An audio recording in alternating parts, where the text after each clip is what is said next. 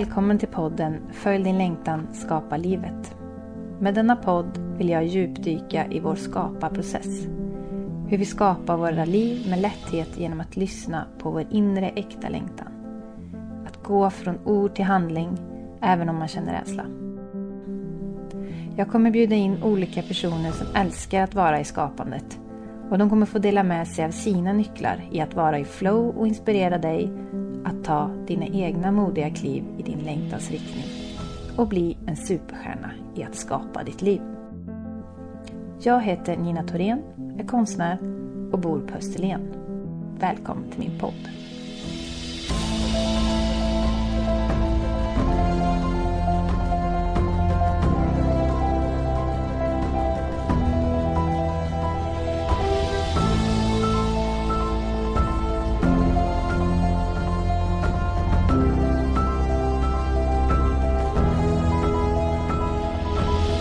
Detta avsnitt pratar jag med powerkvinnan Ellie Elmont som är mästare på att kombinera perspektiv på privatekonomi, börsen och investeringar ihop med personlig utveckling. Ellie är grundare av investmentbolaget Wire Invest där hon vill inspirera kvinnor att saminvestera i fastigheter.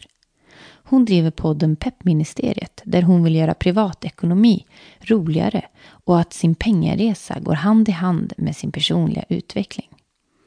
Hur skapar vi frihet och trygghet i vår förändringsprocess? Vad är burksystemet? Hur din syn på pengar som du snappat upp i tidig ålder kan fortfarande hänga kvar idag och förstöra för ditt pengaflöde. Vi pratar även om drivet från smärtan som kan ge dig superkrafter att våga förändra och att se det outhärdliga som en gåva som gav eld till förändring. Det och mycket annat får du nu ta del av. Välkommen Nelly till Följ din längtan, skapa livet. Men tack! Kul att vara här, eller Men- kul att vi gör det här. Ja, jag är ju hemma hos dig i Segeltorp. Ja. Underbart. Och här bor du ju ihop med din man och ditt barn. Mm. Ja. Och en bonusson varannan vecka, Ja, som och- är tonåring. Och en liten kissimis. Och en katt, ja, precis. Mm, mysigt. Ja, men du, hur är det idag då? Ja, men det är bra. Jag har ju lämnat på förskolan. Jag har gjort småbarnslivet, liksom startat dagen så. Men jag har en bra dag, liksom mycket bra kul grejer idag, som det här. Att du kommer hit. Det är första gången som någon kommer hit och poddar, liksom en annan podd än min egen podd. Så bara en sån sak är väldigt kul. Mm. Så att jag har sett fram emot det här. Det känns jättebra. Ja, men jätteroligt. Jag med. Och du, eh, alltså, du har ju en podd då, Mm. eh, Peppministeriet. Vill du berätta lite om den? Vi börjar där. Ja, men alltså jag började den podden i att jag kände att det var mycket saker som jag ville dela med mig av. Alltså jag har alltid läst mycket böcker. Och för varje bok jag läser tänker jag så här, gud, det här borde jag ha lärt mig som barn. Eller tänk om någon hade berättat det här för mig. Eller tänk om jag kunde berätta det här för massa människor som sitter med det här just nu. Och jag har tänkt på det mycket, så här, hur, hur kan jag få ut saker som jag tycker att folk borde få ta del av? Och då landade det att jag kanske skulle kunna ha en podd. För att jag tänkte så här, det är så himla lätt. Sen lärde jag mig när man har podd att det är inte så lätt. Alltså det är inte, det är inte så enkelt som man tror, men det är ändå ett enkelt media att ta till sig. Så jag kände så att jag kan paketera det och så kan jag få ut de saker som jag vill dela med mig av i poddformat. Och då stod jag först och vägde så här, för jag har ju två teman i mitt liv. Det ena är personlig utveckling och det andra är privatekonomi. Och då var alla så här, du måste liksom välja en grej för att man lyssnar liksom av en anledning. Man vill antingen det här eller det här. Och jag kände att jag inte kunde välja. Så att jag valde att masha ihop det bara. Så kör jag både personlig utveckling och privatekonomi i samma podd. Och det funkade jättebra. Eller jag tyckte att det var kul och jag kände att det var bra. Vissa kom av den ena, för det ena temat och någon kom från det andra temat. Och så kunde man hitta något som man kanske inte visste att man behövde i sitt liv. Så, att så har jag fortsatt på det och liksom kört båda de delarna parallellt.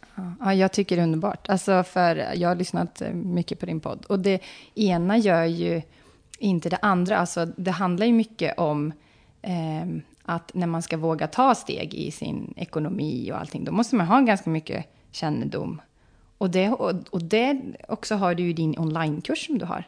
Ja, Precis. med att verkligen inspirera att ha koll på sin privatekonomi. Att se vad, vad äger man egentligen. Ja, men exakt. För jag tänker att privatekonomi har lätt blivit bara siffror och Excel och att det bara handlar om att kunna räkna på rätt grejer och sådär. Och jag tror att hela, hela resan med pengar är egentligen en resa i sig själv. Alltså att jobba med sig själv och sina egna grejer och blockeringar och idéer om olika saker. Så att jag har väl landat i att jag tror att det, det ska hänga ihop. Alltså du kan inte lyckas med dina, med dina pengar om du inte samtidigt gör någon typ av resa med dig själv. Och om du gör en resa med dig själv så kommer du automatiskt hamna i att även din ekonomi ska följa med. Så att jag tänker att så här, vi behöver svänga det här perspektivet och också göra privatekonomi lite roligare. Alltså, det handlar ju om livet. Det handlar ju inte om att så här, lägga kronor i rätt hög och ha så många kronor på hög som möjligt, liksom, utan det är ju en del av att få sitt liv att bli det man vill att det ska bli. Och det är där jag vill att vi ska verkligen djupdyka idag. Alltså, mm. för att det är så många som går och vill göra en förändring. De har längtat och så nej, det känns liksom jobbigt, det känns svårt. Det är liksom, eh, man har sina idéer kring pengar, man nästan gör det till ett hinder. Eh, det kan ju vara antingen har man hälsa som ett hinder eller så har man liksom tid som man säger jag har inte tid, jag har inte pengar eller jag har inte hälsa för att liksom förverkliga det här. Um, och du, um, ja, vi djupdyker direkt i det då. När vi ändå är inne i det så kan vi ta lite det andra också. Vad, vad, liksom har, vad har landat i dig, om man säger? Vad kan, vad, små, små, små steg liksom till den här. Men just hur ska man tänka när man ska ge sig ut på sin stora förändring i livet? Är det just i pengar? Ja, vi börjar med, mm. med pengar. Så. Men jag skulle säga att en av, en av nycklarna tror jag är att förstå var man kommer ifrån. Alltså det är lätt att tänka att jag står här och nu, jag har de här pengarna på mitt konto och nu ska jag bara styra upp det. Men det vi lätt missar är att det här med pengar är ganska laddat för de flesta av oss för att vi bygger en relation till pengar sedan vi är små, från barnsben. Vi får med oss en relation till pengar från våra föräldrar och från de vi har runt oss. Och ofta så är det den idén kring pengar som blir grunden till hur vi hanterar vår privata ekonomi hela vårt vuxna liv. Och det betyder att vi kan intellektuellt göra alla saker rätt. Och ändå så får vi inte de resultaten vi vill och förstår inte vad det beror på. Och då är det för att vi har massa underliggande idéer och blockeringar mm. som stör och som förstör för oss när vi försöker skapa en privatekonomi så som vi vill ha den idag. Så jag skulle säga att mycket handlar om att gå tillbaka till, okay, vad har jag egentligen för relation kring pengar? Och om man till exempel är en sån person som är lite rädd för att ta tag i det där med pengar och sin privatekonomi, då är det en första signal på att det är någonting laddat i det här. Det är någon skam eller någon skuld eller någonting, ett dåligt självförtroende kring pengar eller det är någonting som ligger här i botten som gör att du inte vill börja gräva i det här fast du egentligen vill styra upp dina pengar och vill förändra ditt liv. Så jag skulle säga att det är en, en nyckel i att börja jobba med sina pengar. I att så här, okay, vad är det som gör att det här är så laddat eller inte blir som jag vill eller att jag liksom inte får till det? Och gå tillbaks. Vad har jag lärt mig som barn? Vad har jag för, för idéer kring mig själv och pengar? Är jag en person som tänker att jag är en sån som aldrig kommer ha pengar? Eller är jag en person som tänker jag är en sån som alltid har skulder och så har mitt liv alltid sett ut? Eh, eller är jag en sån som tänker att rika människor är osköna människor? innerst inne. Så att egentligen så har jag ett motstånd kring att bli rik för att jag har en idé om att rika människor inte är sköna att hänga med. Då kommer jag ju automatiskt se till att inte bli rik, för jag vill inte bli en sån person. Så att jag tänker att det handlar i, återigen tillbaks till personlig utveckling, att börja förstå sig själv och förstå vad har jag med mig och hur påverkar det mitt liv idag? Så det skulle jag säga är en jätteviktig del. Och sen är den andra delen, om man går lite mer på Excel, ordning och reda, så är det att faktiskt titta på vad pengarna tar vägen varje månad. För de allra flesta människor har faktiskt ingen aning. Alltså de har, man tror att så här, jag vet ungefär vad mitt liv kostar och vad mina pengar går till. När du gör den hemläxan på riktigt så lovar jag att du kommer hitta saker som du inte visste fanns där. Och det är också därför vi inte vill göra den här läxan. För att in, vi vet innerst inne att så här, jag vill egentligen inte veta, för det är ganska skönt att bara leva i ovisshet.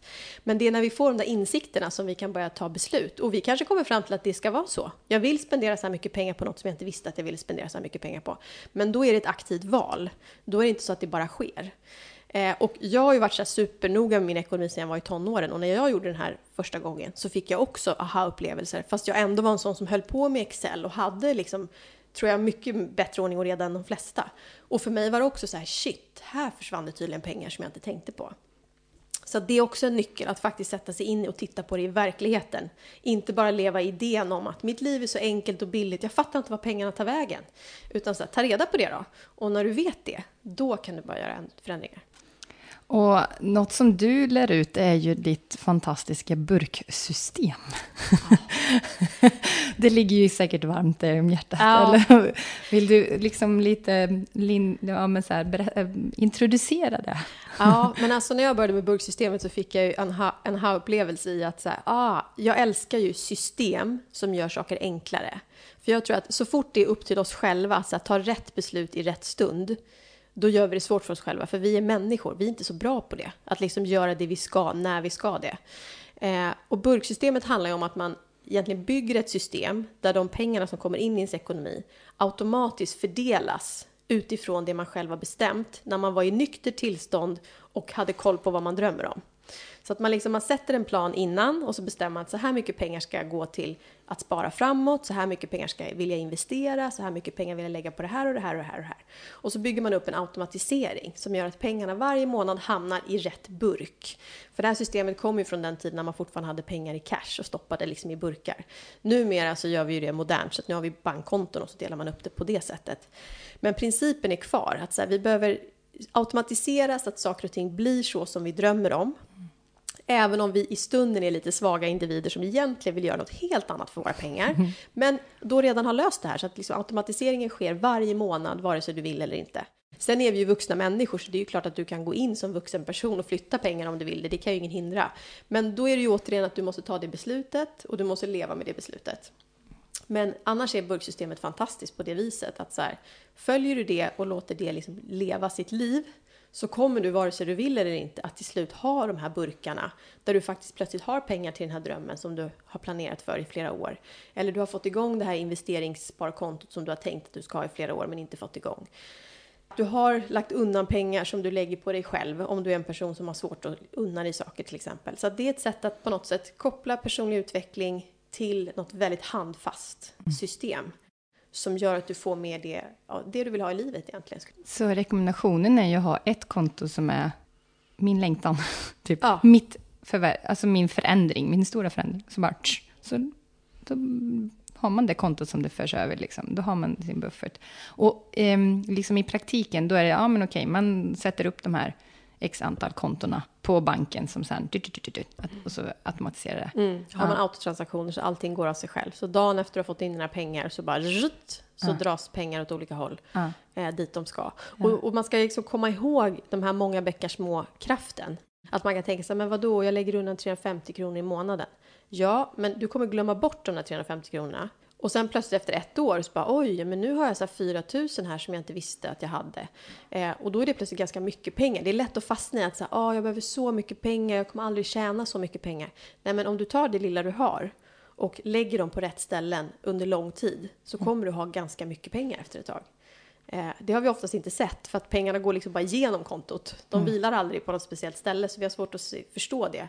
Men det är ju många som har gått kursen som efter några år bara Alltså det här är det sjukaste. Jag har så här mycket pengar nu på det här. Bara, ja, det blir ju det gånger liksom de här månaderna. Men det är svårt att ta in det. Det känns som att det kan inte bli något av det där. Jo, det blir om vi bara håller i och håller ut.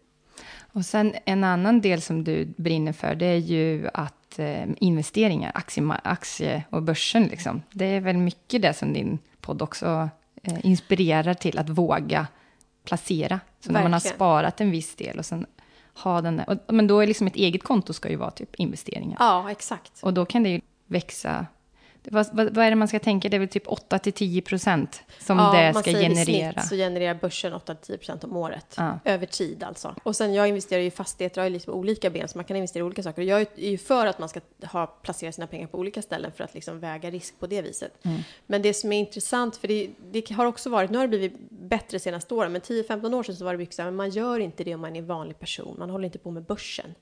Men egentligen så handlar ju det om att vara med och äga i det som driver samhället framåt och ta del av den avkastningen som kommer.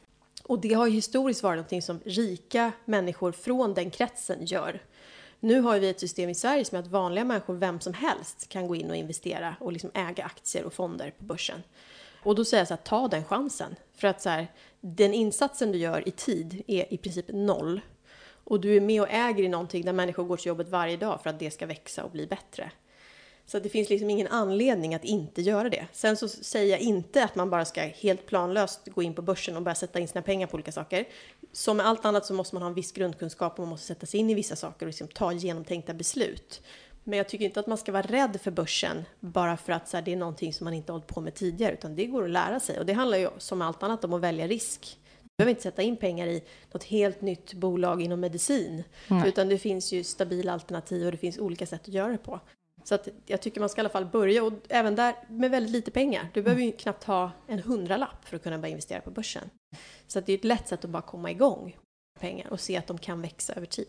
Ja, och där, där får man ju verkligen en, en härlig grundinblick i din, i din online, onlinekurs. Mm. Där lär du ju liksom just det där med Avanza och Nordnet och lite hur man ska tänka lite där. Och sen massa inspiration på din aktiepodd också. Mm. Eller Kul! Hur? Ja, och där har jag bjudit in en del gäster också som har olika teman inom det där som kan inspirera till liksom hur man kan tänka. Eh, och det jag, varför jag också la in det både i podden och i kursen är för att jag tycker att det här första steget har saknats lite. Att när man pratar, lyssnar på aktiepoddar och sådär så är det oftast på en nivå för de som redan är invigda. Och det gör att många tar inte klivet för att du vet inte ens, men alltså var ska jag köpa aktien? Eller liksom jag fattar inte ens vart jag ska ta vägen för att köpa den aktien som alla pratar om. Så att mitt mål har varit att så här, gå ner på så här, steg ett. Hur kommer det ens igång? Alltså hur får man upp ett konto? Hur ska man spara till det? Var ska man lägga sina pengar? Alltså det. Eh, och sen i nästa steg finns det ju mycket information kring så aktietips och alltså det finns mycket att ta del av. Men att mm. första steget är oftast det svåraste steget. Ja. har du inte någon som lär dig så kommer du inte ens dit. Nej. Eh, Medan har du fått upp all infrastruktur så att det är lätt att liksom komma igång, då är steget till att till exempel månadsspara automatiskt, det är inte så stort. Men om du inte ens vet att man kan göra det, då kommer det inte hända. Nej, Nej men precis. Du, nu, nu känner jag att vi gör djupdyka i din resa här, liksom, hur det blev. Eh, vad var din första längtan? Låt oss höra. Hur, hur har det sett ja, ut? Nej, men alltså, det började i att jag har ju aldrig haft ett riktigt jobb. Alltså, jag har alltid varit egen sen jag tog studenten. Och jag lärde mig ju ganska tidigt att då gäller det att kolla på sina pengar. För att du har inte en fast lön varje månad. Så du måste dels tänka hur du, hur du jobbar med dina pengar månadsvis. Men jag kände ju tidigt att jag måste ha ett längre perspektiv med pengar också. Eh, och jag har alltid varit intresserad av privatekonomi, men det var där jag någonstans började också investera för mig själv. Att jag tänkte, okej, okay, jag måste börja aktiespara och liksom göra den resan så att jag har pengar om 10, 20, 30, 40 år. Så där började mitt intresse och eh, hela min, starten på min resa i att investera. Och det passade mig väldigt väl utifrån vilken personlighetstyp jag är. Även fast det då inte fanns så mycket information att ta del av. Men jag tycker att det är kul med system och jag tycker att liksom hålla på och fixa med det där. Så att jag gick liksom igång på hela den grejen. Men framförallt insikten om vad som händer med pengar över tid. Att det är lätt att tänka, vadå, 100 kronor i månaden blir ju ingenting. Nej, men om du räknar på ränta på ränta-effekten, när du liksom börjar få ränta på pengar som du har fått som ränta, då är den kurvan helt enorm. Och när jag insåg det så var det ju dels så här, shit, det här är det sjukaste. Och samtidigt så här, det här är ju ingen som berättar. Alltså det här är som att det är någon hemlighet som alla rika människor går runt med.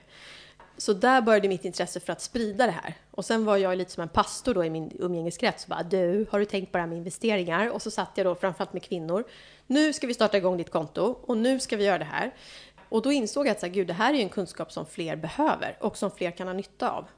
Så där gick det ju från att jag hade ett intresse till att jag på olika sätt försökte liksom sprida det här vidare. Och i samma veva så började jag investera i fastigheter.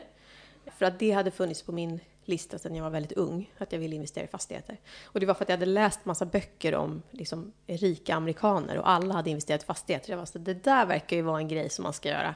Men jag hade ju inga pengar och kunde ju ingenting, så det var en ganska lång resa av att så här, ens fatta hur man gör. Men när jag väl kom igång så var ju, då började jag investera tillsammans med min vän och kollega Lovisa Lövenborg. Och vi upptäckte då direkt att här finns ju typ inga kvinnor. Alltså förutom att vi var kanske 10-15 år yngre än alla där så var vi också i princip de enda kvinnorna som var liksom aktiva investerare. Så då började också en resa i det. Att så här, okej, okay, här är en till investeringsform som verkar ännu längre ifrån vanliga människor, i synnerhet ifrån kvinnor. Så då började vi vår resa i att okej, okay, kan det verkligen vara så att kvinnor inte vill vara här? För det var det vi fick höra då, att de är inte så intresserade av det här. Okej, okay, de är inte så intresserade av pengar menar du eller? Att de vill inte ha så mycket pengar? Nej men det känns rimligt att kvinnor generellt inte vill ha några pengar. Så vi kollade liksom runt i vår bekantskapskrets och det var ju så här, jo, de vet bara inte ens att det här går att göra. Eh, så där började en resa i att så här, skapa ett jämställdhetsarbete inom fastighetsbranschen på ägarsidan att så här, kvinnor måste vara med och äga och vara med och ta beslut. För att i slutändan så är ägande är inflytande. Och om det bara är män som bestämmer, då kommer de ta beslut utifrån sig och sina behov. Och vi missar liksom halva befolkningen. Så vi började den resan och ja, idag har vi nu investerat ungefär 40 miljoner i fastigheter. Vi har 2500 kvinnor i vårt nätverk, i vår medlemsgrupp. Och vi känner att vi liksom sakta knuffar det här berget framför oss. Liksom. Så vi blev ett bolag 2018, så vi har, vi har funnits snart tio år, men vi började mer som ett glatt initiativ och sen har det vuxit liksom, tills, till det vi är nu. Ja, det är helt underbart. Och var den inspirationen? För att du har ju nämnt någon gång att din, ja, men din vision, det är ju att, att kvinnor ska äga lika mycket i bostadsbranschen och på börsen som män. Liksom att inspirera, att, att våga vara där, att ha den rollen. Liksom. Verkligen. Ja. Du är ju, har ju även jobbat som eh, studioman. Mm. Ja. Alltså, Det var min första karriär, eller säga. ja, för, du, för, jag, för jag förstod det, för du la upp något så här himla härligt inlägg där på Instagram om att du hade den här drömmen om att du skulle vara studioman på bästa sändningstid. Och där är ju verkligen någonting, alltså man har en vision och sen kör man och vill dit liksom. Ja. Ja, berätta om den resan. Ja, men det, jag, jag var ju en plugghäst då, i skolan. Jag gick ut gymnasiet liksom med toppbetyg och jag tror att jag hade redan då skapat identitet som att många trodde att så här, hon kommer bli läkare eller jurist. Alltså jag var så här, plugg och det var min grej. Och jag kände nog att jag ville ur den rollen. Alltså jag kände redan då att så här, det här kommer inte hålla. Alltså den här perfektionsdriv i den formen kommer inte jag må bra i. Det kände jag redan då när jag var ganska ung, men jag visste inte riktigt vad jag skulle göra av det. För att det var också min styrka, att jag var duktig på att här, plugga, sätta mål, driva igenom, få resultat. Liksom. Så att istället för att söka universitet med de där betygen som jag ändå hade jobbat så hårt för, så sökte jag mig till tv-branschen eh, och fick en praktik. Så att jag var där ett halvår, bodde fortfarande hemma då och jobbade gratis. Och tyckte att det var så befriande att bara komma till en miljö där jag inte var en viss typ. Eller där liksom ingen hade de förväntningarna på mig att jag skulle vara på ett visst sätt. Utan jag var ju yngst, minst erfaren, hade noll koll. Men jag var superpepp och svindriven att liksom så här, det här ska jag sy ihop. Eh, och det var då på Idol, då hade Idol kommit till Sverige. Och när jag var i den produktionen så på den tiden fanns det inga kvinnliga studiemän. I princip det var bara ett, en handfull män som jobbade med det. Och var man som jag en ordningsam tjej, då skulle man ju bli projektledare. Det var liksom det som var turen, turordningen. Men jag fick då upp ögonen för Tobbe Larsson som då var studieman på Idol och tyckte liksom att han var det coolaste jag har sett. För att han sprang runt med sina hörlurar han liksom run the show där inne. Han pekade in och ut och kameror och räknade ner och applåder. Alltså han, han var som en dirigent på det där golvet. Och han var liksom chefernas chef och jag tyckte att han var, han var så cool. Jag fattade inte vad han gjorde och jag fattade inte vad det gick ut på. Men jag bara kände att så här, det där, det där vill jag göra. Projektlederi, nej. Så det blev då min dröm. Att jag stod och tittade på de här livesändningarna. Där var jag praktikant och liksom typ ansvarade för godiset. Men jag såg honom och hans walkie-talkies och mikrofoner och ficklampor och hela hans grejer och kände att så det där är så coolt. Och som tur var var han en så bra person som snappade upp när jag försökte säga hej. Eh, så att han liksom tog mig under sina vingar och lärde upp mig. För utmaningen i tv-branschen är att du kan nästan inte lära de här jobben i skolan. Utan du måste lära dig hands-on i produktion. Så att jag assade honom eh, på olika produktioner och han liksom verkligen... Han tyckte väl också att det var kul att det kom en ung tjej som ville göra det han gör. Liksom. Så att han var ju grym på att ge mig verktygen. Och då hade jag ju satt den här drömmen så tydligt att här, jag skulle få studiemanna direktsändning liksom, på TV4 eftersom det var Idol var TV4. Det var det som var mitt mål. Sen visade det sig att det går ganska fort i tv-branschen. Alltså om man är lite på tårna så går det ganska fort. Så att liksom efter några år så hade jag gjort ganska mycket. Alltså jag har varit nere på Robinson, jag har gjort ganska mycket produktioner som jag tänkte så här, det här kommer jag göra om 10-15 år. Och där någonstans så tänkte jag det här är kul, men jag inser att jag kommer ju snart ha gjort det som jag vill göra och då är jag 23. Jag kommer inte kunna göra det här i liksom, alltså det enda jag ska göra hela mitt liv. Så jag tog en detour och liksom startade produktionsbolag och appbolag och gjort massa saker. Men har gjort vissa grejer i tv-branschen längs vägen. För att jag tycker att det är roligt. Sen har ju mitt perspektiv förändrats i att jag börjar jobba med det här med kvinnor och pengar. Och jag har liksom helt andra mål idag. Men nu under våren så har jag kört några Let's Dance-sändningar. Jag har hoppat in och kört fem Let's Dance, bland annat finalen. Och det var då också jag la upp det inlägget för att det är så lätt att vi hela tiden är på väg till nästa mål. Liksom. Hit vill jag. Och då kan man, jag pratar verkligen utifrån mig själv, att så här, då är det lätt att tänka att jag uppnår ju aldrig det jag vill uppnå. För att vi är alltid på väg vidare. Och ibland tänker jag att det är så nyttigt att bara stanna upp och titta på sitt liv och tänka vad har jag i mitt liv nu som jag drömde om för fem år sedan eller tio år sedan? Som jag då tänkte var så nästan omöjligt. Och på något sätt bekräfta oss själva och ge oss själva credden för att säga, men det här har du uppnått. Sen har du ett nytt mål idag. Men det gör inte det här målet mindre viktigt. Så att jag tänkte på det när jag körde Let's Dance-finalen, att så här, men gud, nu är jag ju Tobbe Larsson, som han var när jag såg honom första gången. Nu har jag hans jobb. Eh, och det ska jag ge mig själv cred för och liksom njuta av det och tänka så här, shit, jag gjorde det. Då stod jag som 19 år och tänkte att det där är sjukaste jag sett, jag kommer aldrig lyckas med det. Och nu är jag där. Mm. Och även om jag vill göra andra saker idag så är inte det mindre värt. Jag ska inte liksom plocka ner det då bara för att, fast just nu vill jag ju förändra hela världen. Ja, men du har ändå gjort en resa på de här åren. Och så jag la upp det för att jag också ville inspirera andra till att här, stanna upp och se vad du har idag. Så att vi inte bara liksom jagar. Och det kan vara att ha familj, att ha träffat en människa att leva med, att ha köpt ett hus. Att, alltså det finns ju massa saker. Att liksom inte bara checka av det på en lista utan så här, du har uppnått en dröm. Ta åt dig av det och te, alltså, tänk att det är bränsle för de drömmar du har idag. Precis. Det kanske är så ibland att man, man, man har i sitt huvud att man tror att det där, de där målen och de där drömmarna ska liksom hända så fort att man samtidigt som när man har sin dröm ska man typ leva den. Mm. Och istället så här, ja men okej, ha känslan av att jag fortsätter här, men är man en kreativ varelse så, ut, så ändras ju de där målen och drömmarna. Så den där drömmen man har kanske man inte lever exakt när man har drömmen. Nej. Men det kommer. Och rätt som det är.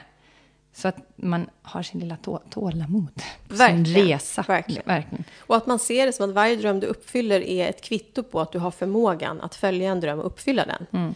Eh, och det kan ge en liksom, lite tillit i de drömmar man har idag. För nu har jag ju drömmar som jag tittar på med samma ögon som jag tittar på Studiemannen Tobbe när jag var 19 och tänker så här.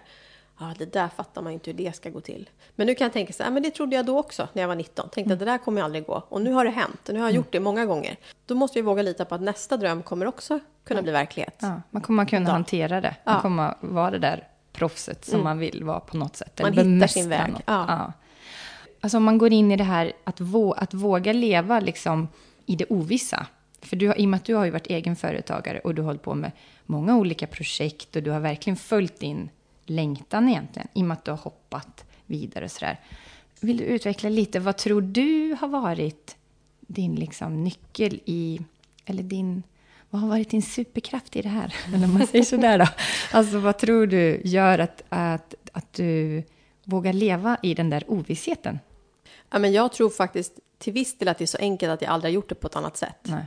Alltså, och jag brukar säga det, jag som, när man pratar med personer som vill starta bolag och så, att så här, jag har full respekt för att det är ett jättestort steg om du sitter i en helt annan verklighet idag. Alltså du sitter på ett fast jobb där du har jobbat i flera år, du har en fast lön, du kan din arbetsuppgift, alltså du är i en trygg miljö. Jag fattar att det är ett jättestort steg. Jag har aldrig tagit det steget för att jag har aldrig suttit i någonting annat. Så att, att leva i ovisshet och att liksom lösa min egen skit, det har ju varit min verklighet jämt. Så det är egentligen ingenting som jag har reflekterat så mycket över. Så jag har inte gjort någonting superbra kring det, utan det har bara varit så här, jaha, så här är tydligen livet. Sen förstår jag att de många inte lever så, men det har blivit mitt sätt att leva. Så att jag tror ju också att jag drivs av ovisshet till viss del. Alltså jag brukar säga att jag är oanställningsbar. För att jag tror typ inte att jag skulle vara så bra på det. Alltså det är klart att det finns vissa typer av bolag som jag kanske kunde jobba på, men i de flesta fall så är jag så här, det kommer inte bli bra för er och det kommer inte bli bra för mig. För att så här, lås inte in mig i ett hus och säg att jag måste vara där vissa timmar och sitta på någon viss plats och göra exakt vissa saker som någon har bestämt. För att då kommer jag gå hem. Eller liksom, jag har inte det i mig. Och det är både en för och nackdel. Sen förstår jag också att skulle jag hamna i en fas i livet där jag måste ta ett jobb för att livet av någon anledning blir så, då kommer jag göra det och lösa det. Men det är ju både och att jag också har levt i den här friheten ett helt vuxet liv. Så att jag kan inget annat och jag skulle förmodligen vara skitdålig på något annat, typ. Tror jag. Ja, den här friheten är ju nästan det som man är mest förälskad i, i sitt entreprenörskap. Att kunna, ja, jag kan jobba fyra på natten om jag vill det, om det nu behövs för att jag ska liksom frigöra tid, eller att jag har frigjort tid för att det är något annat som är viktigt i privatlivet, ja, men då kan jag jobba då istället. Ja. Och liksom rodda och dona kanske man kan absolut göra på, när man är anställd på vissa jobb också, men, men det är ändå, det är ingen du ska svara upp till, det är bara Nej. dig själv. Även- Och det har ju en baksida också. Ja. Och det är det jag tänker att man också ska ha med när man pratar om det här. För det är lätt att alla som tittar utifrån tänker så här, gud vilket nice liv, man gör lite som man vill och så bara rasar in cash. Så bara, nej, du är också helt själv ansvarig för att lösa din egen ekonomi, bolagets ekonomi, att få ihop liksom allting du behöver. Eh, om jag då jämför med som min man som liksom jobbar på ett stort, eh, han är så här byggnadskonstruktör på ett stort bolag. Om de har en två veckor när det är lite lugnt, det är inte som att han behöver stressa upp sig över det, utan hans lön kommer komma ändå.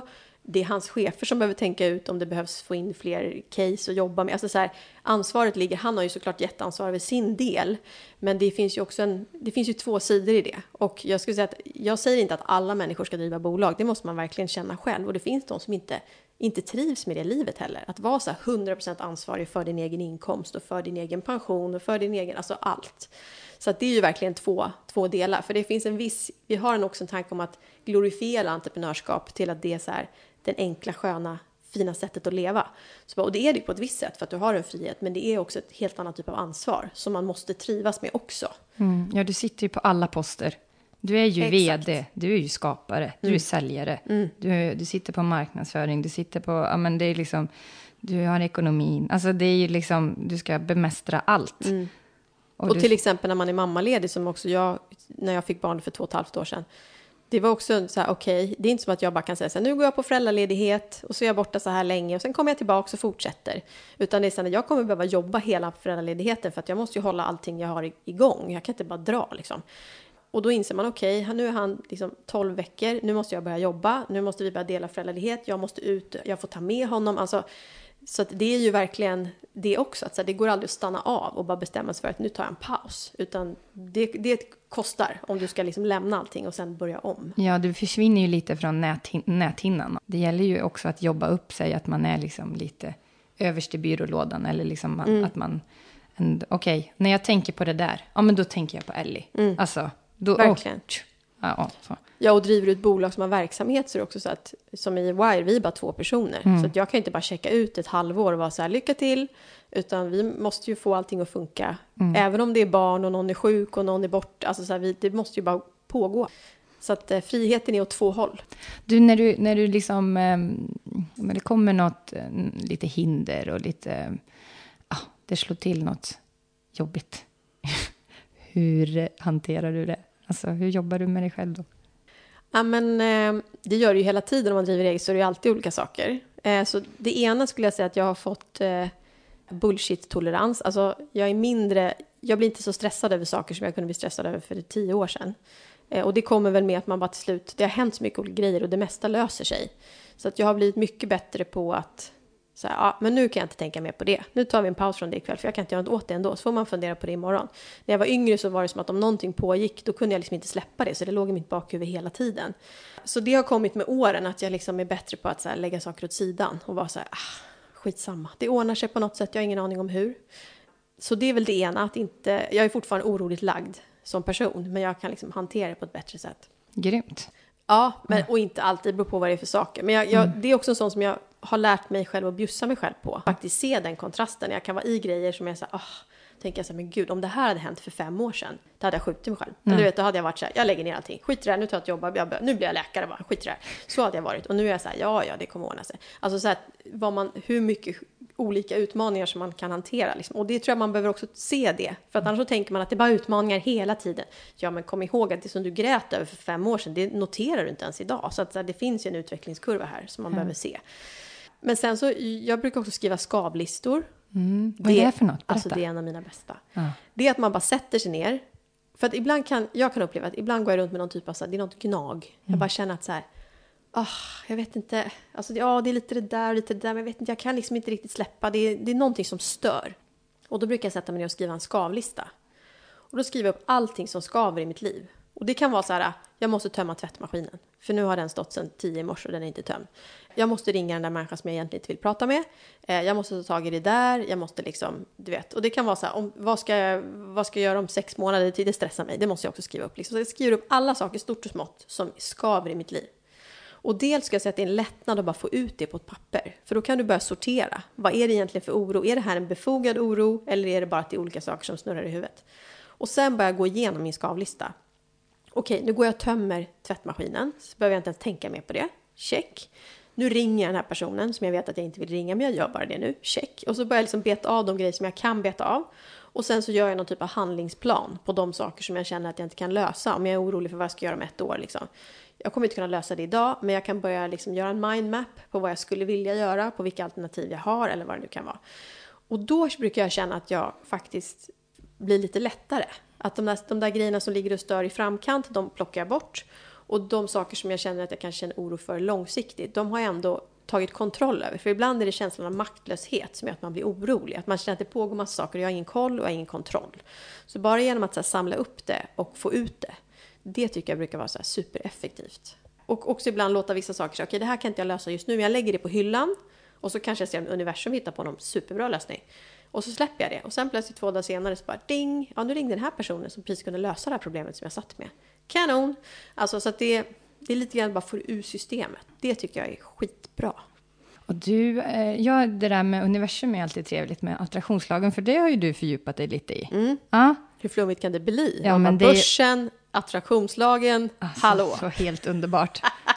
Det är väl det som är en, en, en helhet i en människa. Alltså man är ju inte, det är dualitet, man är ju inte bara en smal person som bara är liksom torr och tråkig där och man har ju många Mm. olika lager av saker. Ja, Det spirituella är ju precis lika viktigt som, som det verk, ja vad ska man säga, det som är precis framför oss här och nu liksom. verkligen. Men jag kan tycka i så entreprenörs och framförallt så här fastighet, finansvärlden och så, där är det ju, alltså börja inte ens med attraktionslag. Alltså, Nej, det är du- som att folk bara, alltså jag hade respekt för dig tills nu. Alltså det är väldigt konstigt, alltså att hålla på med sånt i den miljön. Ja. Och det är därför jag tror att det behövs. Ja, alltså det, men är det inte det som också gör att man känner att ja, men, men hon, lust, hon, hon kan jag våga lyssna på när det gäller investeringar, för hon har ju en- lite fler bottnar, Mm, kan jag kanske. tänka. Ja. Men jag kan tänka som kvinna är det nog väldigt skönt. Ja, men hon känns ju så här normal. Mm.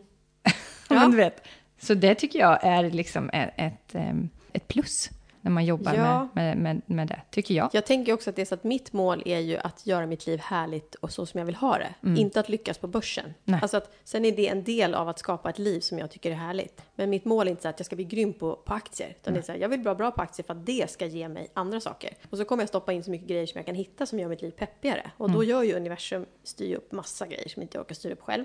Och så börsen och sen, alltså så här, att det är en godispåse av grejer som gör livet härligare. Mm. Och så råkar det vara lite olika grejer bara.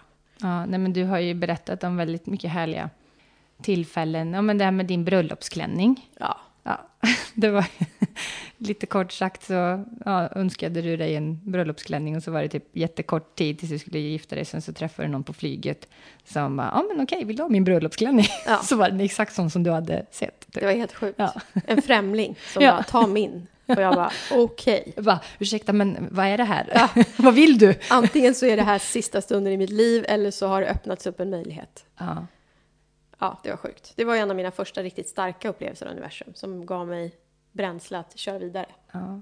Men du, det här ovissheten eller det här, det måste ju övat upp din tillit väldigt mycket.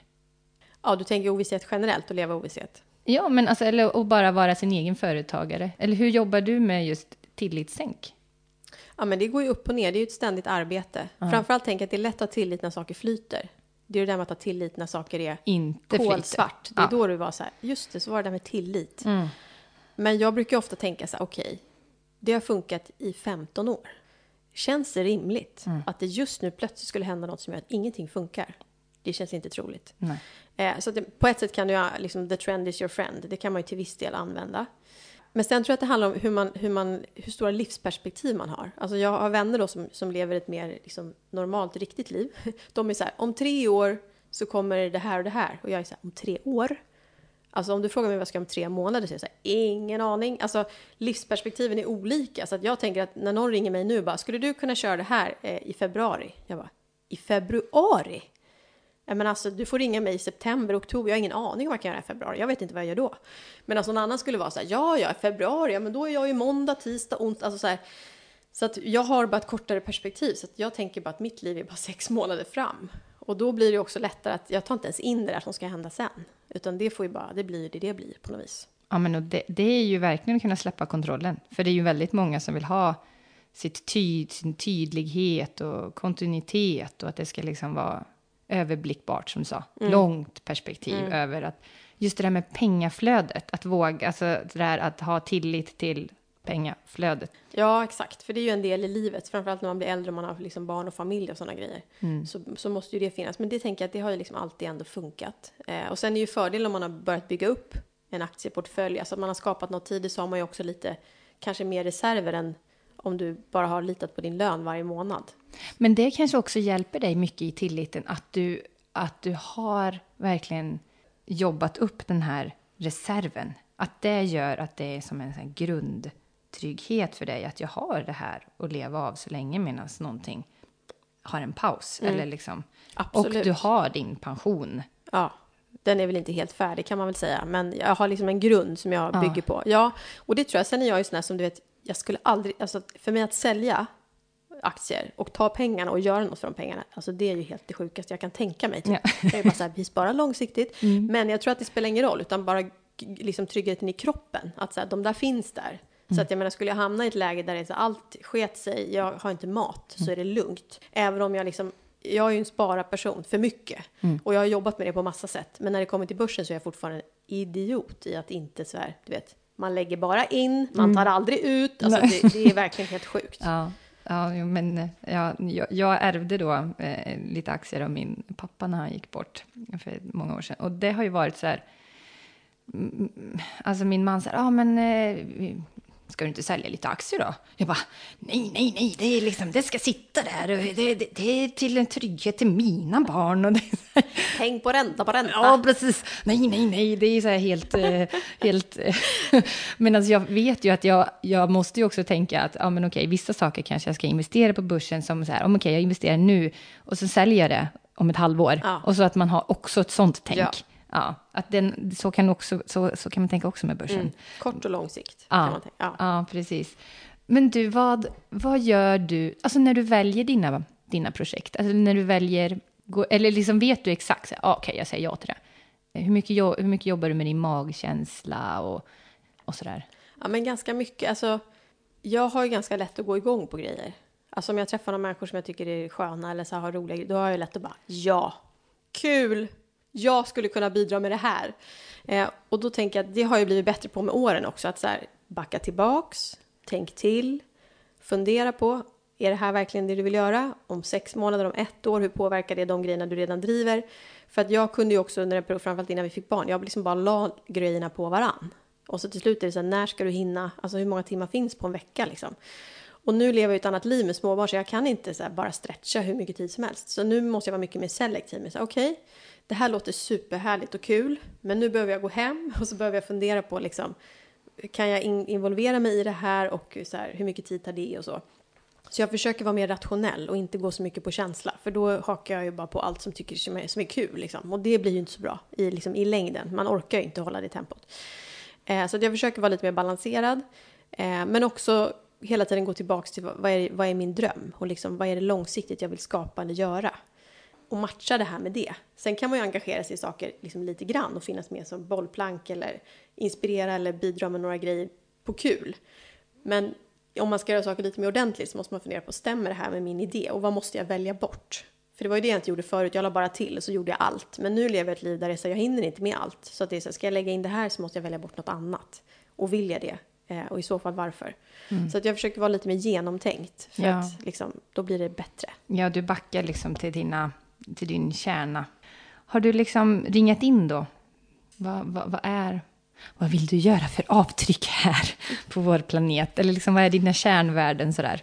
Eller är det som något prioritering i dina val? Har du något sånt? Ja, men alltså jag är ju... Jag behöver ju göra någonting där jag känner att vi driver ett förändringsarbete. Jag har svårt att jobba med saker där jag bara känner så att vi gör det här bara för att vi ska göra det och få pengar. Utan jag är fortfarande så naiv efter alla dessa år att jag tänker så här, jag ska vara med och driva positiv förändring. Eh, och det gör vi ju på ett sätt via Wire, där känner jag att så här, vi driver jämställdhetsfrågan och vi jobbar med kvinnor, det känns liksom superinspirerande. Eh, nu senaste åren så har klimatfrågan och liksom omställningen för klimatet blivit en, liksom gått från mm, jag fattar typ till shit. Det här kommer jag behöva lägga mycket tid på. Eh, och det är ju en jättestark sån, att jag vill vara med och bidra på olika sätt till det. Eh, så att, att få vara med och driva liksom förändringsprocess, det är i slutändan det som är min, min drivkraft.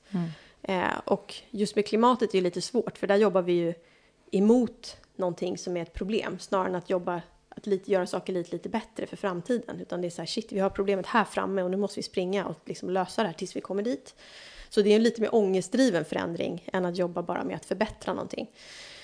Men där är ju min drivkraft, framförallt sen jag fick barn, att jag bara tänker att så här, jag kanske inte kan lösa det här. Vi som jobbar med det här, eller som vill förändra, kanske inte kan lösa det, det vet vi inte. Eh, men jag vill bara att när Louis blir stor, och vi kommer ändå sitta mitt emot varandra och prata om det här, och han kommer fråga, liksom. Förhoppningsvis har vi löst det så att han undrar, vad gjorde ni? Men det finns också risk att han säger så här, varför är det inte bättre? Och då har min drivkraft varit att han ska kunna säga att så här, min mamma gjorde det hon kunde. Och det kan gälla både jämställdhetsarbetet men framförallt liksom klimat och de sakerna som påverkar hans framtid enormt. Alltså, han kommer ju få en faktura, hela hans generation kommer få en faktura när han blir stor. Och då måste jag kunna förklara vad jag har gjort. Och då känner jag så att om jag kan sitta då och säga så här, jag kan inte lösa allt det här, men du ska veta att jag har gjort det här och det här och det här. Och jag har verkligen engagerat mig för att försöka skapa förändring. Då kan jag ändå känna att jag gjorde vad jag kunde liksom. Eh, och då kan han leva med att han har en, folk runt sig som har gjort, försökt i alla fall, inte gjort allt vi ska säkert, men liksom haft ett engagemang.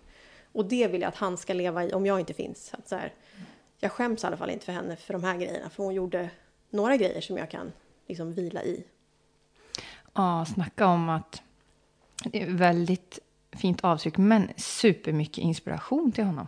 Alltså att han ser att det är möjligt att göra någonting själv. Mm. För det är väl det också som många ungdomar går omkring och ångest över. Att mm. de, de, de, den här maktlösheten, vad ska, vad ska jag kunna göra? Men om man ser folk i närheten som ändå gör, alltså man vardagligen då, som du då driver något projekt i liksom det här, åt det här hållet sådär. Att det, det är möjligt, jag, jag, en människa kan göra någonting. Mm. Verkligen. Ja. Och det hoppas jag att han får med sig. Och det tänker jag också är en del i den här rörelsen är också att lära honom ett annat beteende. Att det som jag som 80-talist fick lära mig, hur man äter och flyger och reser och liksom lever sitt liv. Mm. Att jag har ett ansvar att inte lära upp honom i samma mönster utan att lära honom någonting annat. Att så här, och han kommer inte gråta över det, han har inte det på ett annat sätt. Det är bara jag som, och min generation som går runt och tror att våra barn blir olyckliga om de inte har sett alla huvudstäder innan de är tio år. Eh. Men precis, alltså att att, att det är något som något mål, att mm. man ska Ja, men du, eh, när har du känt dig som modigast i ditt liv? Ja, du. Alltså jag tänker att jag modtränar hela, hela tiden eftersom mitt liv alltid är så här, nu kan jag det här bra, då börjar jag göra något helt annat som jag inte kan. Mm. Eh, så jag kastar mig alltid ut i saker som jag inte kan och då måste man väl vara lite modig. Men om man tänker sig liksom ett vidare perspektiv så gjorde jag ju en resa för tio år sedan på det privata planet. Jag jobbade med att bygga om min relation till män. Jag hade en super inte sund relation till män och liksom skapade inte sunda relationer. Eh, och insåg det tidigt och gick liksom en lång resa för att så här, programmera om mig. Samma som jag tänker med pengar som vi pratar om. Samma mm. gjorde jag liksom i relation i, mot, alltså kärleksrelation. Och det vet jag var, fast det var, då kom ju mod ur att mitt liv var katastrof. Eller att jag var så här, det här livet kan inte jag leva, så att jag måste göra någonting annorlunda. Men då vet jag, då, då gick jag ut ett så här, eh, tolvstegsprogram.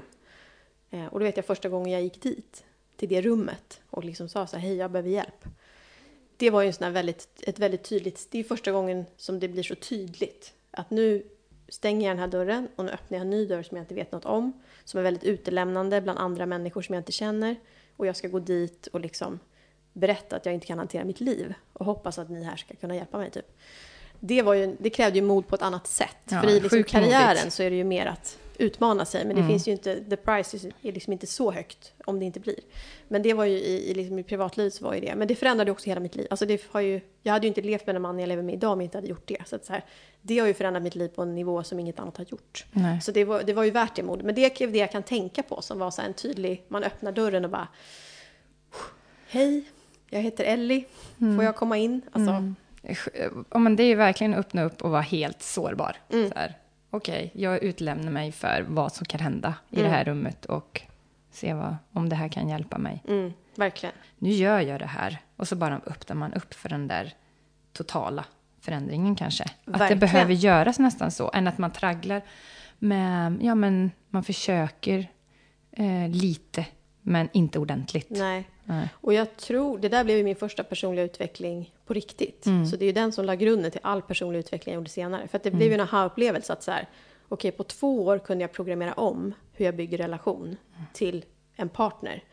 Eh, och innan det så trodde inte jag att det var möjligt, eller jag fattade inte ens, jag fattade ingenting av det där. Jag var så här, vadå, det råkar bli så här varenda gång, jag har ingen aning. Eh, så det gav ju mig så här, shit, man kan alltså gå den vägen. Att så här, jag kan jobba med mig själv och sen förändra resultatet på den vägen. Mm. Så att jag skulle säga att det la grunden för allt förändringsarbete jag gjort sedan dess. Och liksom insikten om att det börjar med dig. Mm. Du kan hålla på här ute hur mycket du vill, men du kommer inte komma någonstans. Nej, det handlar mycket om att du bestämde dig. Ja. Att du bestämde dig för att den här förändringen ska ske nu. Mm. Och så för att du kanske kunde ha läst de där böckerna och allting och fått den där kunskapen lite då och då. Men det kanske inte hade fastnat om du inte Nej. hade bestämt det innan. Exakt. Och då tror jag att man ska komma ihåg att det finns förändring ur smärta och så finns det förändring driven av längtan. Och förändring ur smärta är mycket starkare. Och det var ju där jag var då. Att jag kände att jag hade inget alternativ. För att det livet, det var så att det här livet kommer inte jag kunna leva vidare i. Så att antingen måste jag förändra det eller så finns det ingenting här. Så att jag tänkte, jag kommer aldrig kunna leva med min man igen. Det var liksom min utgångspunkt. Eh, om jag inte gör någonting annorlunda. Och då, är ju liksom, då driver ju smärtan en vidare. Att så här, det här drivs inte av att jag vill något annat, utan jag vill ur någonting som jag inte kan hantera, som jag inte står ut och vara i. Och den kraften är ofta starkare än när vi ska se ett mål långt fram och försöka visualisera det och göra massa saker idag för att uppnå det om tio år. Den är ofta svårare. Men det är också därför jag känner enorm tacksamhet till de relationer jag hade då. Som var liksom destruktiva och inte bra på massa sätt. För jag tänkte att de var ju en present. Att jag var ner i skiten på riktigt och sen fick jag börja om. För hade det varit lite halvdant, då hade jag säkert suttit idag med tre barn, med personer som jag inte liksom borde vara, ha i mitt liv och liksom varit olycklig och inte liksom fått ordning på någonting. Så att jag behövde liksom ta den, den långa vägen för att börja om. Och den, jag tror att många, det har vi som människor i oss, att sen när det blir för tufft, då orkar vi kämpa på. Utmaningen för de flesta är att springa efter någonting för att det är härligare där borta, inte för att vi inte står ut där vi är. Nej, Nej verkligen. Snacka om vändpunkt. Mm. Alltså, har du haft några andra vändpunkter i livet? Även om den kanske är den absolut största och starkaste. Ja, alltså jag tänker att man småsvänger hela tiden när man driver bolag och gör Ja. sånt. Man lär sig om så här, hur ska jag jobba, vilka ska jag jobba med? Liksom, det är en ständig. Och sen är det såklart att få barn, det tänker jag säger väl alla, men då blir ju då är det som att allt svänger vare sig man vill eller inte. Alltså ens prioriteringar, man ska ha en ny roll, alltså det förändrar ju det mesta. Så den är väl lika stark som det förändringsarbete jag gjorde då med, med relationer. Att man fick barn och bara shit. Nu börjar en ny era. Eh, men också skulle jag säga när jag fick den här klimatinsikten. När jag läste IPCC-rapporten första gången, när jag var gravid, vilket inte är att rekommendera, men ja. Man är väldigt känslig. ja. Och det var så här, jaha, jag ska precis, jag ska få barn om fem månader till det här menar du? Men det skulle jag också säga, det var en identitetskris också. Att jag hade gått från att så här, det swishade förbi lite på nyheterna, verkar stökigt, till att jag läste rapporterna och började så här, det gick in i kroppen. Att så här, okej, det här är det här är en helt annan nivå än vad jag överhuvudtaget har förstått. Och det var ju, det var ju sex månader då av, av jag vet inte, ja, kris faktiskt. För mig som person, att så här, hur ska jag hantera det här? Hur ska, ska jag ens få ett barn? Är det ansvarsfullt att få ett barn? Alltså det var många sådana grejer. Eh, men det gav ju också en ny förändring. Alltså hit, öppnade ju ett nytt perspektiv som sen lever kvar. Liksom. Ja, verkligen. Alla entreprenörer skapar ju. Alltså du, skapar, du har skapat en kurs, du har skapat ett bolag. Alltså i hela den här ska, i din skaparprocess, i det du håller på med. Hur kan det liksom se ut lite från det här fröet när du får en idé om någonting? Eh, Kanske en idé, en idé om någon, något projekt eller... Alltså jag skulle säga att jag tänker att oftast så är den processen väldigt tydlig i efterhand. Men när man är i det så finns det inget så här, nu har vi kommit på. Utan det bara börjar i att man är i någonting och så tänker man vi kanske ska prova det här och så provar man det lite och sen så skruvar man, ja men kanske det här, jaha men det verkar funka, men ska vi lägga på det här, ska vi ta in den här personen? Och sen klipp två år senare, så bara, men gud vi har ju tydligen ett bolag nu och det här verkar ju...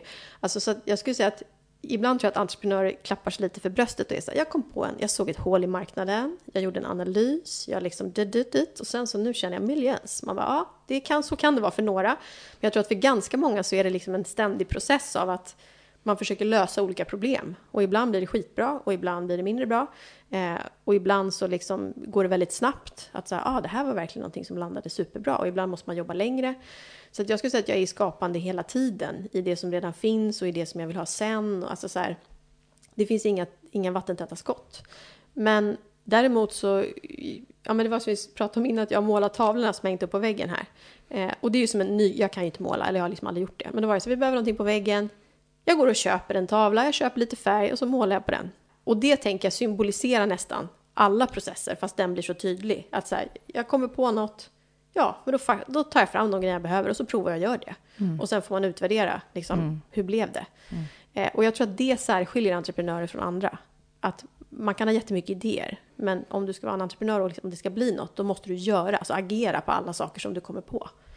Ja, det är bara att våga slänga sig ut i den här ovissheten Mm. hela tiden och Och där tänker jag att man måste ha, man, som entreprenör så måste man besitta, eller man tränar väl upp liksom, men det här att våga vara modig och, ha, och våga vara, och ha tillit till att ja, ja, men jag löser det här. Och man tränar ju upp det. Ju fler gånger man har liksom gjort nya saker. Ja, ja, men jag testar. Jag tittar på lite YouTube-filmer då. Mm. Eller jag testar mig fram själv. Liksom. Mm, verkligen. Ja, eh, och så löser jag det på vägen mm. på något sätt. Jag, frågar, jag ringer och frågar den personen. Alltså, verkligen. Och just där förmågan att kunna och våga be om hjälp. Ja. I såna här olika, alltså nya saker som man liksom bara kastar sig ut i. Och där är det oftast en styrka att man umgås med andra. Alltså mm. att de som lever liksom den här typen av liv träffar andra som lever den typen av liv. Och då kan man ringa en sån person som bara kul, bra idé, ja men du kanske ska prova det här. Medan hade man ringt, hade man bara haft vänner som hade liksom ett riktigt liv, höll jag på att säga, då hade de kanske varit så här, men du ska du verkligen, du kan ju ingenting om det här.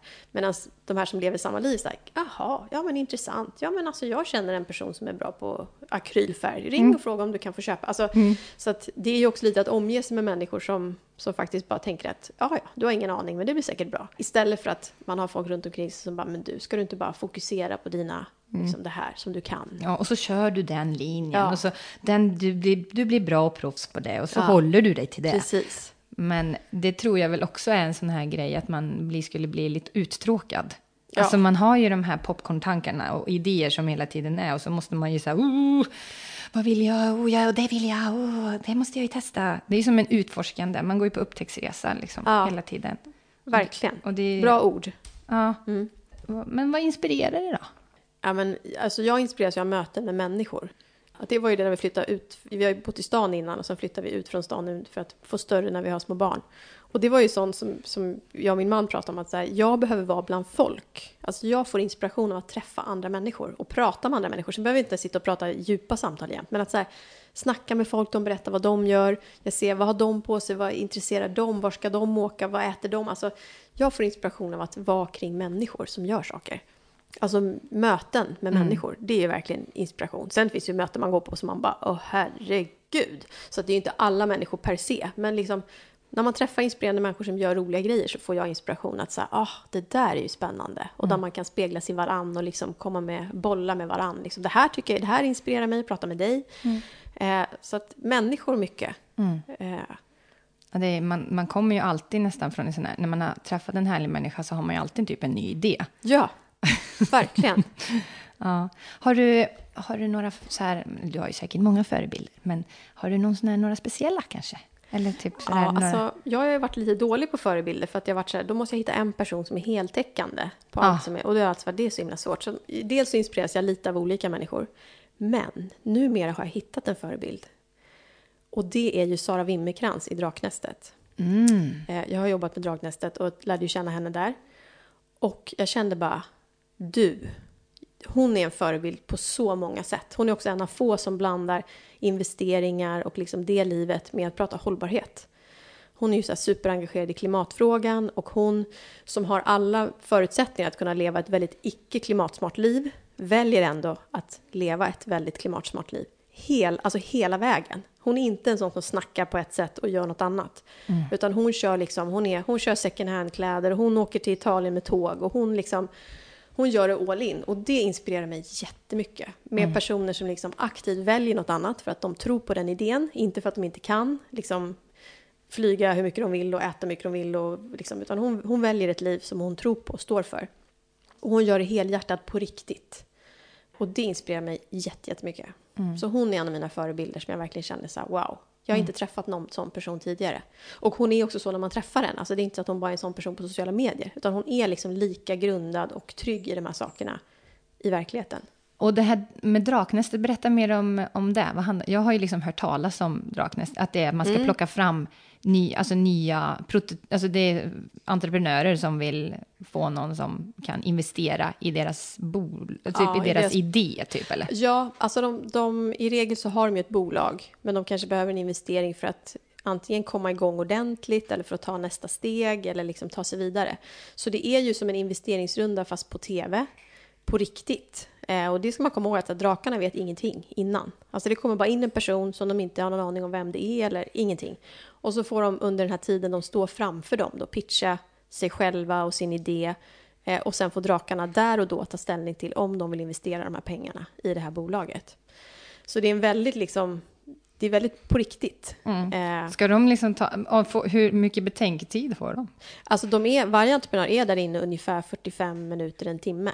Det är ju väldigt hands-on att så här, det är här det händer. Sen i, i klippningen sen så kan ju vissa case vara bara några minuter på tv och det är ju, det är ju mer tid i verkligheten. Mm. Men fortfarande 45 minuter, en timme är ju väldigt lite tid för att ta ställning till det här. Men sen är det ju också, alltså de som sitter som drakar är ju också erfarna investerare som har tittat på jättemycket investeringscase eh, och kan jättemycket om olika branscher och liksom har en grund i att kunna ta ställning till ett, någonting de har framför sig. Liksom. Och ställa rätt frågor är det ju mycket. Att så förstå vad behöver jag fråga om nu för att få ut den information jag behöver för att ta det här beslutet. Gud, ja, men det är ungefär som att de har ett möte. Exakt. Ah, och det är ju jättemodiga entreprenörer som också ah. kliver in med sin bebis. Man vet ju liksom när man har ett bolag att det är som ens bebis. Och öppnar upp. Och, för de vet ju också att de kommer få tuffa frågor och liksom det är en utmanande situation. Så det är också fantastiskt att här, träffa de entreprenörerna och följa deras resa i, fram till att de ska kliva in. Att så här, det, det kan ju förändra hela deras liv om de får pengarna. Ja. Och, vad, vad, eh, och du är en drake då, eller? Nej, jag är inte en drake. Mm. Jag sa till Sara att jag tar din plats om ungefär 15 år. Eh, men jag jobbar med entreprenörerna, alltså med casting, dels att vi sållar ut vilka bolag som ska gå in. Det är jättemånga som söker och sen så ska vi jobba med liksom att hitta en bra mix, vilka, vilka som ska kliva in. Eh, men också sen med entreprenörerna fram till att de ska kliva in, alltså bollplank i pitch, när de ska ta fram sina pitcher och hela liksom processen för dem. Från att de får veta hej, du ska få vara med i Draknästet, till att så här 3, 2, 1, där är dörren. Så att då är jag med på deras resa i Så du är lite som arbetet. deras mentor i att promota sin idé, typ, eller? Ja, men och, precis. Och framförallt skulle jag säga att det handlar ju mycket om att hålla dem i handen. Alltså att dels så ska de göra det här på TV, och det är ju något väldigt annorlunda. Och har man inte gjort TV förut så är det bara att förstå hur det går till, liksom hela det konceptet är en del. Och sen är det ju kring pitcherna, de, själva pitchen där blir ju så himla viktig. Att de här minuterna de har när de ska presentera sitt bolag blir ju allting som kan sen ge dem pengarna. Så det är mycket så att dels hur ska vi visualisera den här pitchen också för tv-tittarna, för här måste vi ha två perspektiv. I ett vanligt investerarcase då ska du bara prata till investerarna, så länge de fattar så är, det liksom, så är det grönt. Men här tänker man på att vi ska också, en tittare ska också förstå. Så det handlar om att så hur ska vi visualisera det här med vad ska de ha med sig för grejer och hur ska vi liksom få den här pitchen att bli intressant. Eh, men också för dem, liksom, det är ju jättemycket frågor och tankar som snurrar i deras huvud inför att man ska göra en sån här grej. Där jag hoppas att jag både från entreprenörsperspektivet och från min erfarenhet från TV kan ge dem lite av det de behöver på resan som ska göra det liksom roligare och enklare. De kan hålla fokus på sitt. Ja, här sammanfogas ju dina, din dåtid och nutid. Verkligen. Det är mm. ju första gången som mitt gamla TV-liv och mitt nuvarande liv blir som en mashup som ja. är så perfekt. Underbart. Ja, men du, underbart att umgås också med massa sådana här entreprenörer och ja. måste få massa kickar och energi ja, av, men de är ju det här. så spännande. Och vissa av dem har ju också kontakt med även efter, mm. alltså efter att programmet är slut, för att de är man bara känner, vi har ju mycket gemensamt vi har mycket att prata om förutom det här just pitchstunden inom Strakarna. Så att det, är en, det är ju en spännande värld, så mm. är det ju verkligen. Ska vi gå in lite på härliga tips kanske? Mm. Ja, du som har läst så mycket böcker. Mm.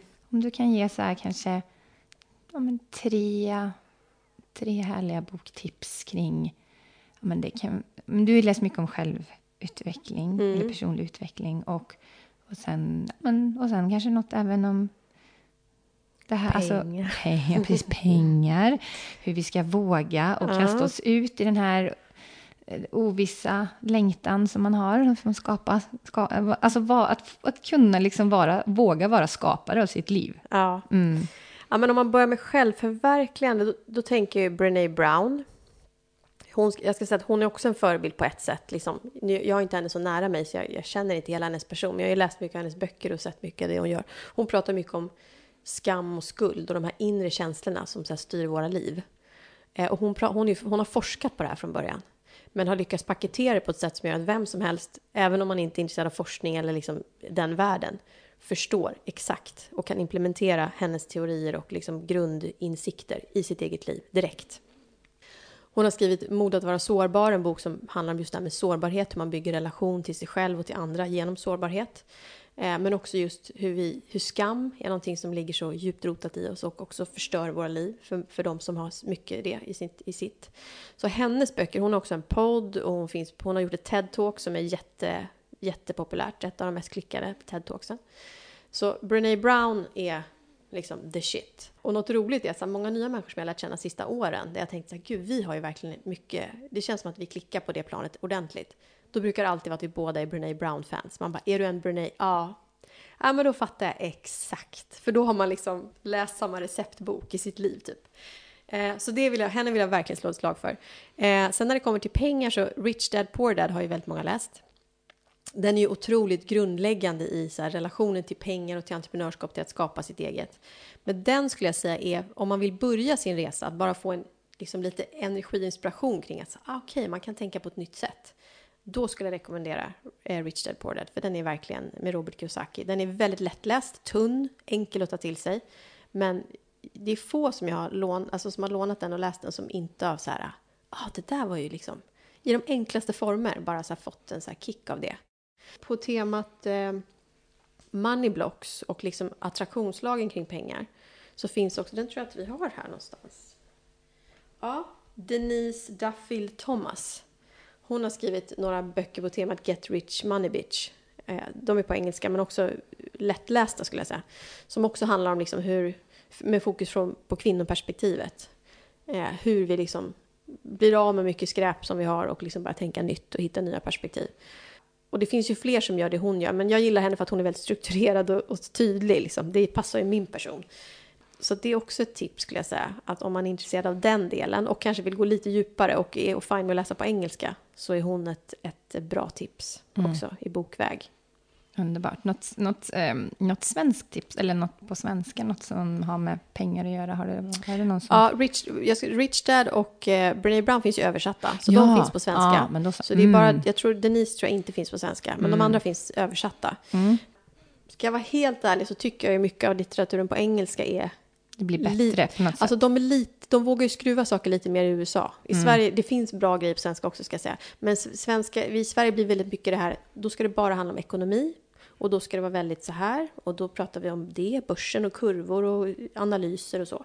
USA har ju, de är ju lite mer americano, så de, kan ju, de snackar ju pengar och våga och de, de blandar ju det på ett annat sätt. Så jag tycker att deras grejer, om man är på en nivå att man vill få inspiration och bara tänka nytt, så tycker jag att de har lite mer punch i sina grejer. Mm. Men alltså, det finns mycket bra svenskt när man har kommit vidare. Så nu vill jag läsa om aktier, liksom, vill lära mig mer om det. Då finns det mycket bra litteratur på just det.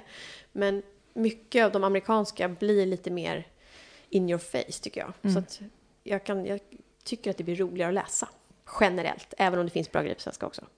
Du, eh, och förutom din härliga podd och Peppministeriet, har du någon annan podd som du älskar att lyssna på, som du blir inspirerad av? Men jag är ju periodare, men det finns en podd som heter Gold Digger Podcast, som handlar om den är väldigt bra om man är entreprenör, eller om man är liksom egen eller entreprenör. Den har mycket så här, det är korta avsnitt, eh, hon pratar om så ett tema. Det kan vara från så här sociala medier till att bygga sin e-mail-list till marknadsföring, till att jobba med sina utmaningar i att vara modigare som entreprenör, till att, alltså det är alla typer av aspekter av att här, skapa sitt liv utifrån perspektivet att vara egenföretagare.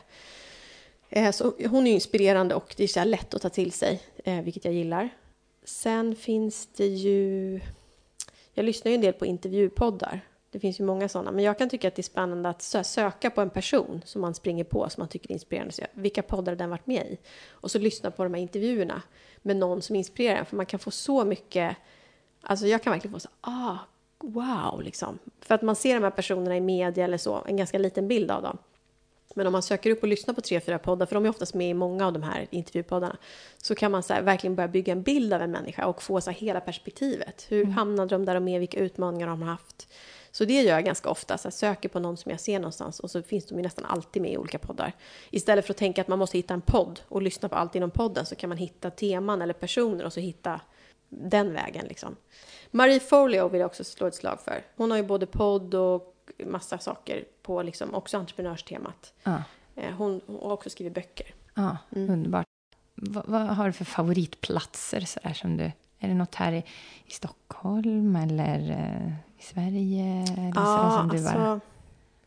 Ja, men jag, det finns ju mycket, jag tycker, jag tycker också att det är härligt att resa. Mm. Även om jag har dragit ner mycket på det sista åren för att jag inte vill flyga. Jag tycker ju det är spännande med nya platser oavsett. Men sen är jag tillbaka till att jag är en stadsperson.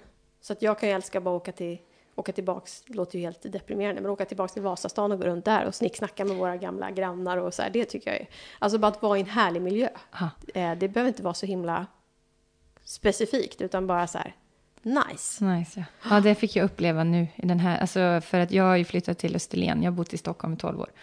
Och så bara, du vet, gå runt i mina gamla kvarter mm. och där jag jobbade. Och sen, så, och, var, och sen även andra stadsdelar som jag har tänkt att jag vill, så här, när jag väl bodde här, tänkte ja men här så kanske jag bara var på något ärende där. Men så har jag liksom fått vara där flera ja. timmar och gå. Och sen var vi Mariatorget i fredags och så, åh, här var en härlig fredagskänsla och alla var snygga klädda och så var det barnfamilj. Ja, men du vet, det var så här, här kände jag, ja, men här skulle man ju ha en liten etta som kan vara min ateljé. alltså, det är inspirerande. Ja, alltså jag blev så, jag älskar mitt Österlen, men alltså, jag, jag känner mig ju hemma i Stockholm. Ja. Och det är någonting som, och när man kör in i Stockholm, alla fina tak och alla de här variationerna och de här arkitektur, alltså, ja. Det är härligt. Mm. Ja, det är underbart. Om du skulle vilja ha sagt någonting till ditt yngre jag, vad skulle du vilja ha sagt till henne? Något som du vet nu? Ja, men det, det är ju våga lita på din förmåga. Det behöver jag ju säga till mig själv fortfarande. Det tror jag aldrig går ur. Men, men jag tänker när jag tittar tillbaka på hur jag var så himla så här, man måste jobba så hårt och göra så bra hela, hela tiden, för annars kommer det inte gå. Så bara, men du ska komma ihåg att 50% gör typ ingenting. Nej, nu överdriver Men liksom, man ska inte straffa sig själv så hårt som att så här, man måste liksom hela tiden ligga på, för annars utan man måste också våga lita på att så här, men du har dina talanger och du är unik på ditt sätt. Och om du liksom förvaltar det och tar hand om dig och liksom ser till att göra dina grejer så kommer det ge resultat. Du behöver inte vara överallt hela tiden och liksom hela tiden vara framåtlutad, utan lita på att så här, du kan din grej och du har saker med dig som person. Oavsett hur erfaren du är så finns det saker som du liksom kan använda. Så, så här, lita på din förmåga. Mm. Eh, inte bara spring. Ja, men verkligen. Har du några andra fina nycklar som du skulle vilja dela med dig till lyssnarna? Ja, men jag generellt ska jag säga att jobba med sin personliga utveckling. Ja. Där man står. Ja. För att det finns ingen som inte behöver det, hur mycket man än har gjort. Och det kan vara att läsa böcker, men också att omge sig med andra som är intresserade och så här, prata om saker. Och mm. utvecklas genom att bolla och tänka kring grejer. Mm. Eh, för det gör ju att livet blir lättare att leva, skulle jag säga, i nuet. Men också att vi reder ut massa grejer som inte behöver bli så stora, jobbiga moln senare i livet. Så att det finns, det tänker jag så här, om vi alla bara gjorde det så skulle tror jag planeten skulle vara en bättre plats av sig själv. Mm. Ja, verkligen.